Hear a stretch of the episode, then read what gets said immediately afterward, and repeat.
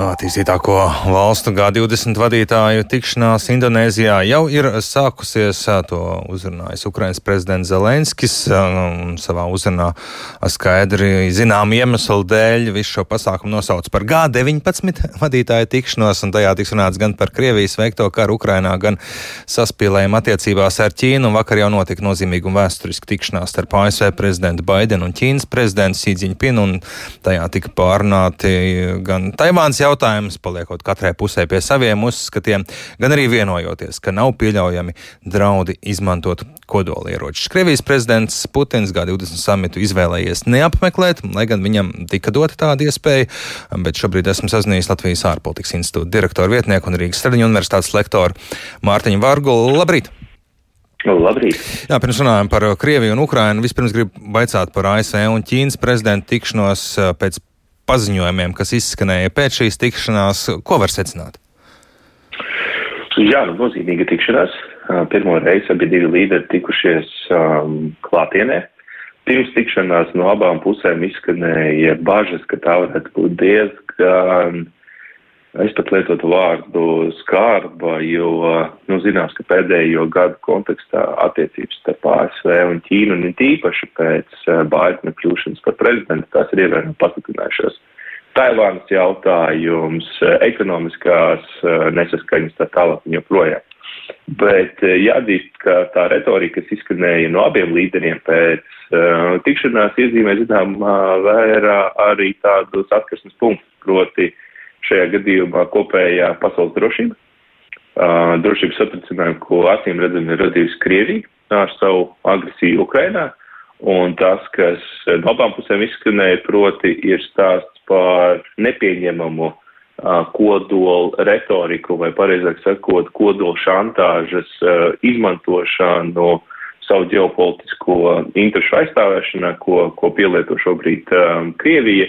Un tās abām pusēm nav pieņemams, un tas ir tāds pat zināmā mērā saskarsmes punkts starp abām, abām lielvarām. Tā kā turpat ir uh, zināma sadarbības elementus, kā varētu būvēt tālāk, bet nu skaidrs, ka šajās trīs stundu ilgajās sarunās noteikti starp abām pusēm aiz aizsvērtām, aizslēgtām durvīm izskanēja arī daudz uh, kritikas un, un neapmierinātība, nu, piemēram, no ASV puses attiecībā uz Taivānas politiku Savukārt um, no Ķīnas puses uh, pārmetumi ASV par iejaukšanos iekšpolitikā. Tā kā šie jautājumi tur, tur noteikti bija klātesoši. Bet, Jā, bet izskatās, ka ne, neviens nevienu nebija nokaitinājuši šajās sarunās un tā teikt vienojušies, par ko nespēja vienoties, bet atraduši mm -hmm. to kopīgo. Ja? Tas, tā, laikam, precīzi, tas... precīzi. Tas, ka tur izskanēja šī, šī, nu, šīs nesaskaņas vai, vai pretrunas un, un, un tie likti, tika likti galdā par to, par to nav bažas, bet uh, ir saskarsmes punkts, un tā ir kopējā globālā drošība. Un skaidrs, ka Ķīna un ASV ir divas lielākās šobrīd lielvaras tās, un Ķīna kā pieaugoša otrā ekonomika un potenciāli drīzumā arī pirmā pasaules ekonomika, kurai ir ambīcijas uz pasaules lielvaras uh, galveno statusu, uh, skaidrs, ka redz ASV kā galveno savu sānteni. Krievijai vairs nav Ķīnas atbalsta, vai var šādu secinājumu izteikt? Es negribētu teikt, ka Krievijai jebkad ir bijis izteikts Ķīnas atbalsts, Ķīna spēlē savu spēli. Ķīna uztver 21. gadsimtu kā savu gadsimtu, un uh, šī Krievijas un Rietumu Krievijas ASV um, nu, saspīlējums, sāncensība, kas šobrīd notiek, tā ir Ķīnas intereses, proti Eh, kamēr abas divas puses karo, tā turpina veicināt savu ekonomisko varu un izmantojot ekonomisko varu arī nodrošināt ģeopolitisko, politisko varu vairākos pasaules reģionos.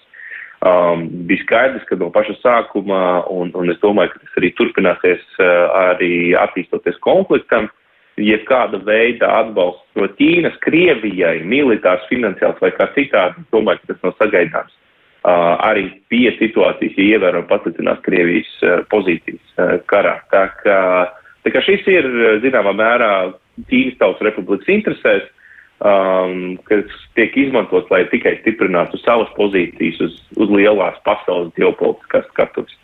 Jā, nu skaidrs, ka G20 samits noslēgsies ar kādu kopīgu valstu līderu dokumentu, un pirms tikšanās, atsoties uz vārdā nenosauktiem rietumu diplomātiem, mēdī, piemēram, vēst, ka Krievija kā esot piekritus tam, ka tiek nosodīts Maskavas sāktais karš pret Ukrainu šajā dokum dokumentā, tieši karš, nevis militāra operācija, kā to sauc Maskava, ka Krievijas iebrukums vainojas pie globālās ekonomikas lejupslīdes, dokumentā tiks pieprasīta arī Krievu karaspēku izvešana no Ukrainas.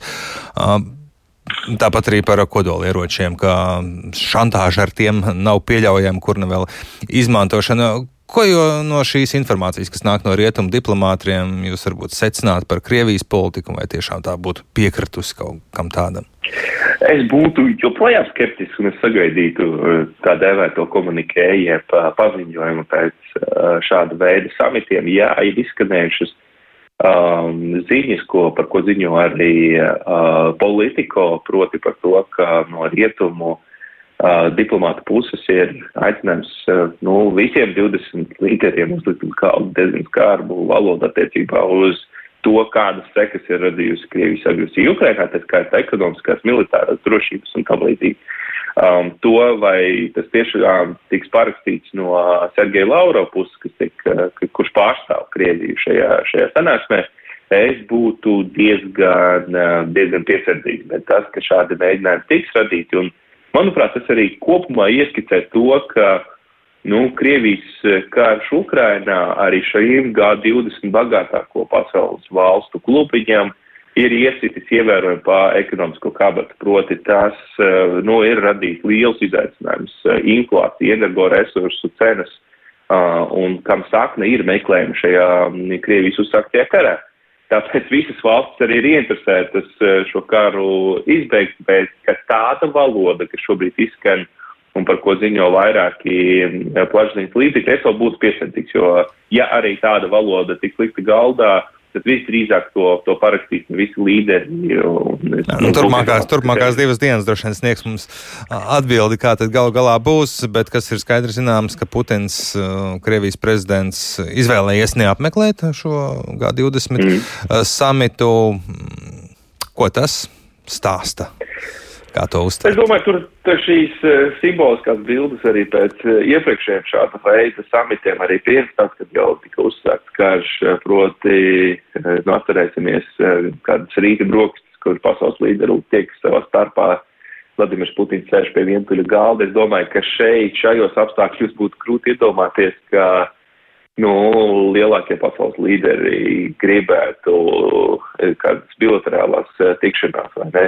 Uh, nu, un nostādīt sevi nērtā situācijā Vladimiram Putinam nepatīk. Tā kā, tā kā es domāju, tas arī tāds tīri, lai saglabātu savu seju, savu stāju um, visā šajā pasākumā. Turklāt, nu, kā mēs jau iepriekš arī runājām, spiediens būs liels, spiediens būs liels arī parakstīt uh, noteiktus dokumentus, kur, kur Krievija apņemās noteiktas darbības, tā skaitā, nu, iet uz nu, teiksim, agresijas pārtraukšanu. Varētu būt spiediens arī Ukrainas pusē, lai tā sāk sarunas, ir atvērtākas sarunām ar Krieviju. Ir izskanējuši, un uh, arī uh, vairāk plašsaziņas līdzekļi par šo ir ziņojuši, proti par uh, Makrona šolcu skatījumu par to, kā varētu izbeigt kāru, bet vakardien vai šķiet šodien no rīta uzsākot samitu arī Zelenskis, prezidents Zelenskis sniedza uh, virtuālu uzrunu, nosaucot divus galvenos iemeslus - teritoriāla integritāte un reparācijas pēc kara izbeigšanas, vai ne? Tā kā šie nosacījumi ir palikuši, uzstādījumi nemainās, uh, domāju, ka ņemot vērā arī to, ka Ukraina ir sekmīga kara darbībā, um, šobrīd uzstādīt Zelenskim kaut ko citu, nu, tas, tas vienkārši negūtu atbalstu ne Zelenska administrācijā, ne arī Ukrainas sabiedrībā. Paldies jums par sarunu. Latvijas ārpolitikas institūta direktora vietnieks un Rīgas Traģiņu universitātes lektors Mārtiņš Varguls ar mums sarunājās. Paldies! Paldies.